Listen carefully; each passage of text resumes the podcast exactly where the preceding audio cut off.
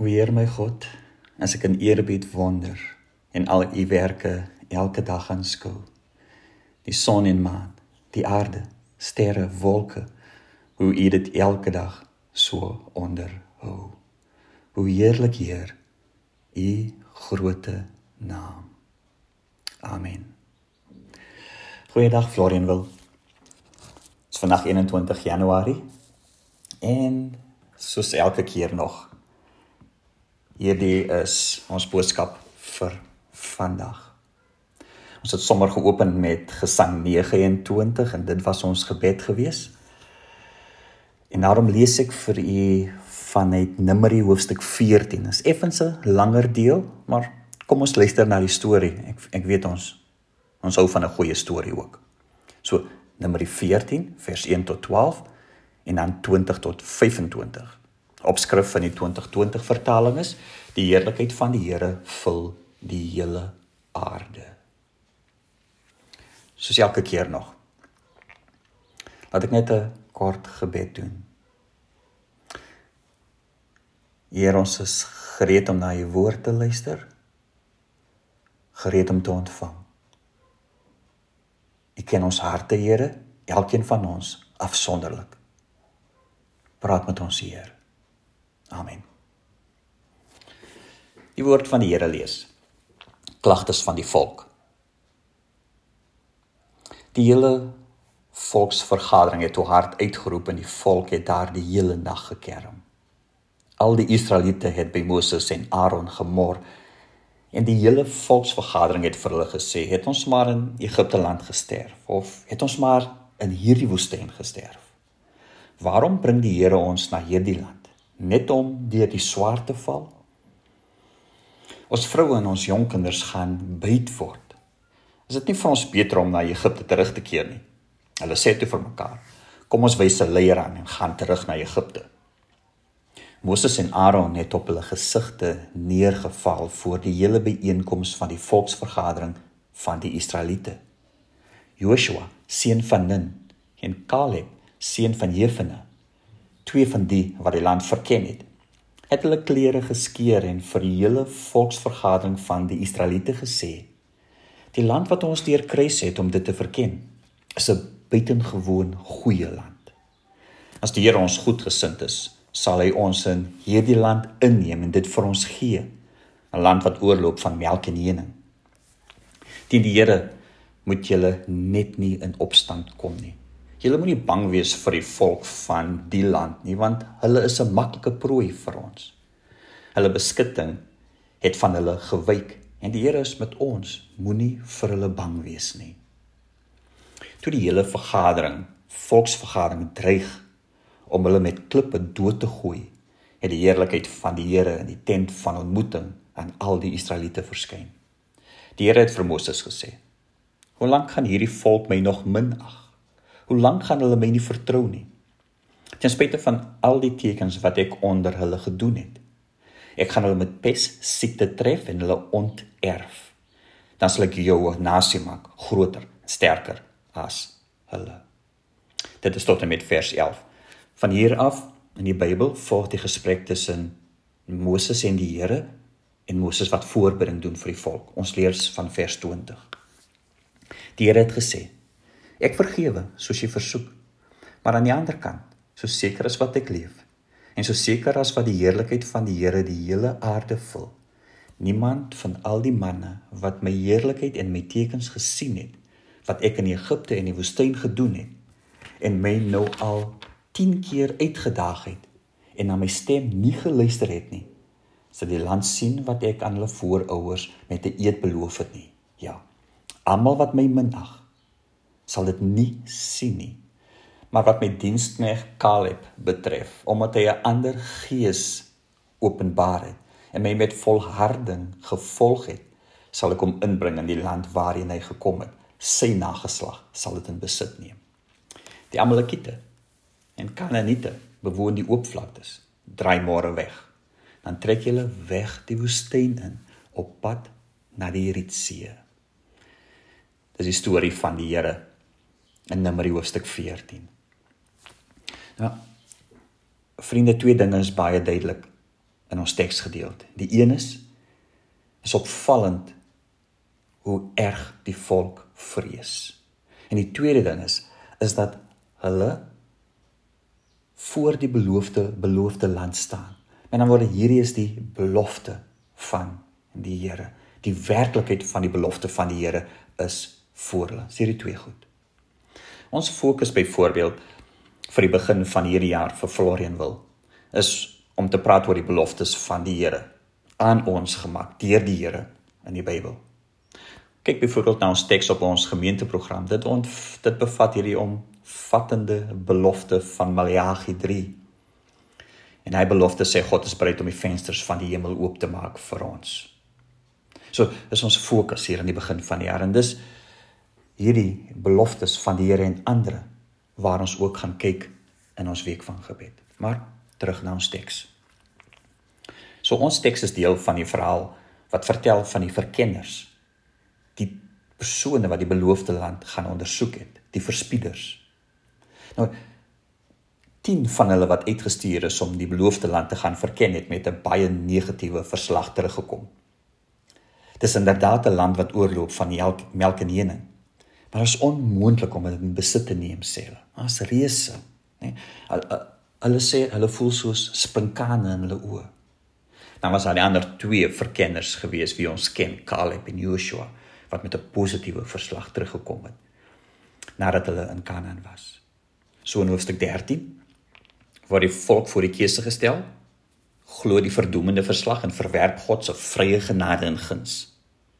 Vertrou nie meer op die belofte van die Here nie en daarmee verwerp die Here se voorsienigheid en mag. Ons wat dit is. Die tweede keuse is om Caleb en Joshua se verslag te aanvaar en in geloof en vertroue in die Here die land in besit te neem om heel hartig te glo dat die Here sy beloftes sal waarmaak. Dis die keuse. En ons weet wat hulle antwoord was, wat hulle gekies het. Dit is byna onverklaarbaar. Almal kollektief saam klaar en is ontevrede en raak wanhoopig. Hulle reageer in absolute ongeloof teenoor die Here. Is openlik gekant teen Moses en Aaron. Het hy van volslae rebellie teen hulle leiers. U u verstaan, God se totale bevrydingsplan word bevraagteken en verwerp. Al die beloftes wat die Here aan hulle as volk gemaak het, daarvan af Abraham, Isak en Jakob, En met ander woorde dit waarop hulle geloof berus en dit waarop hulle identiteit berus. Dit word verwerp. Op die drempel van Kanaan besluit hulle dat die enigste oplossing nou is, is terug na Egipte. En ons sien hierdie verwerping van die Here en dis dis hulle sonde. En dan teenoor die volk sien ons die ander Moses, Aaron, Caleb, Joshua. Moses en Aaron val neer op hulle gesigte met die aanhoor van die volk se geloof. Daar is in hulle harte geloof en ontzag vir God. Caleb en Joshua skeer hulle klere as teken van die droefheid nadat hulle dit aanhoor wat die volk sê en probeer hulle bes om die volk te oortuig om die Here te glo. Dat die Here die belofte sal waarmaak, dat die Here hulle beskutting is dat die wie in Kanaan is 'n maklike prooi is. Dat in geloof moet hulle net vertrou. Hulle hoef nie bang te wees nie. Die verhaal gaan verder. En volg die verskyning van die Here by die tent van ontmoeting. Ek weet net voordat die volk gewelddadig wou raak en hulle leiers wou doodmaak. Die kortste van hierdie gedeelte is is dat God sy straf aankondig teen die volk. Hy gaan hulle uitroei. Dan doen Moses voorbereiding. Hy beroep hom op die lankmoedigheid van die Here, op die liefde van die Here. Hy beroep hom op die feit dat die Here die volk keer op keer vergewe het vandat hulle uit Egipte is. En dan God sien af van sy straf om die volk uit te roei.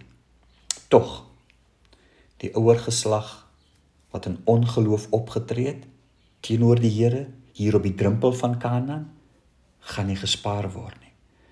En volk moes daar omdraai teruggaan die woestyn in. En in vir jare sou nog in die woestyn wandel en daardie geslag wat in opstand teen die Here gekom het, eers toe hulle uitsterf kon hulle die beloofde land ingaan. Enigste uitsonderings was Caleb en Joshua. Hulle sou dit oorleef. Dit is ons verhaal. As ons dis mooi ding. Geloof in ons verhaal beteken eerbied vir God en vertroue in God. Hierin het die 10 verkenners en die volk gefaal. Hulle die bewoners van Kanaan meer gevrees as die Here. Die waarmaak van beloftes sou uiteindelik van hulle eie krag afhang en eie mag afhang. En tog gelowiges weet menslike vermoëns is irrelevant. Die punt is die God in wie jy glo, die almag van hierdie God in wie jy glo en jou vertroue in die Here dat hy sal waarmaak vers 21. Dit is ons tema. Sê die Here hierdie woorde. Sy heerlikheid vul die hele aarde. Ons vind ook hierdie woorde byvoorbeeld in Habakuk 2 vers 14. Ja, die aarde sal gevul word met die kennis van die heerlikheid van die Here, soos die water die see oordek. Skryf dit ook in Jesaja 11 vers 9, Psalm 72. Maar ek wil ook vir mekaar sê, ek wil ook vir vir julle sê, die betekenis van hierdie woorde ken ons ook. Want ons ken die lied.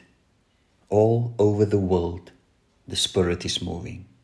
All over the world as the prophet said it would be. All over the world there's a mighty revelation of the glory of the Lord as the waters covers the sea. En dit beteken oor hierdie hele wêreld en in alle tye is God besig in ons wêreld. Vir Israel Dit was nie net in Egipte nie, verlossing daar nie. Dit was nie net in die woestyntyd nie. Dit sal verder gaan as Kanaan. Dit sal Jerusalem insluit en die tempel in Jerusalem en die totale toekoms van Israel. God wil vir Israel sê dat hy meer kan doen as wat hulle kan dink. Die inneem van die beloofde land is eintlik niks in die oë van die Here nie. God is tot soveel meer in staat. God het ook ver groter planne vir hulle. Daar's nog soveel wat God in en deur hulle wil doen.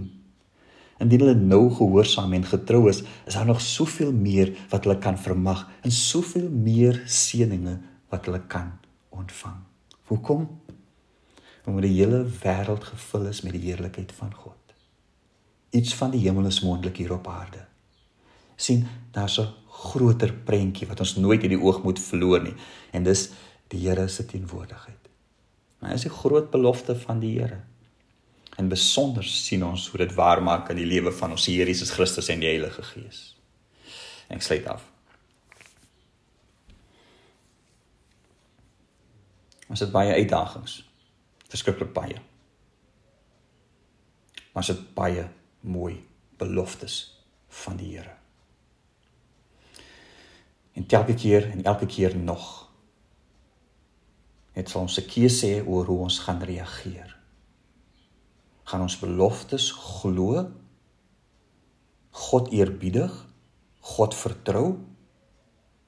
Of gaan ons in sonde van ongeloof verval soos die van die volk?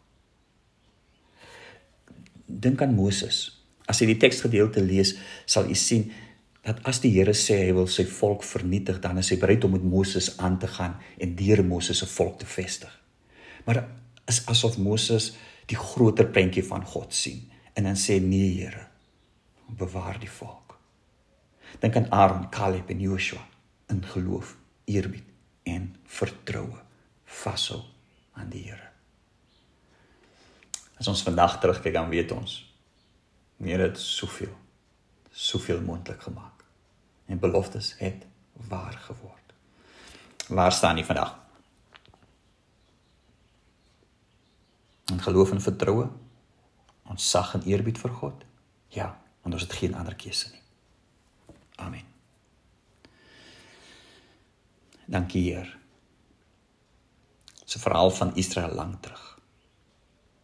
Maar dis ook ons verhaal. Ons is nie gemaak hier vir vrees en bewering nie.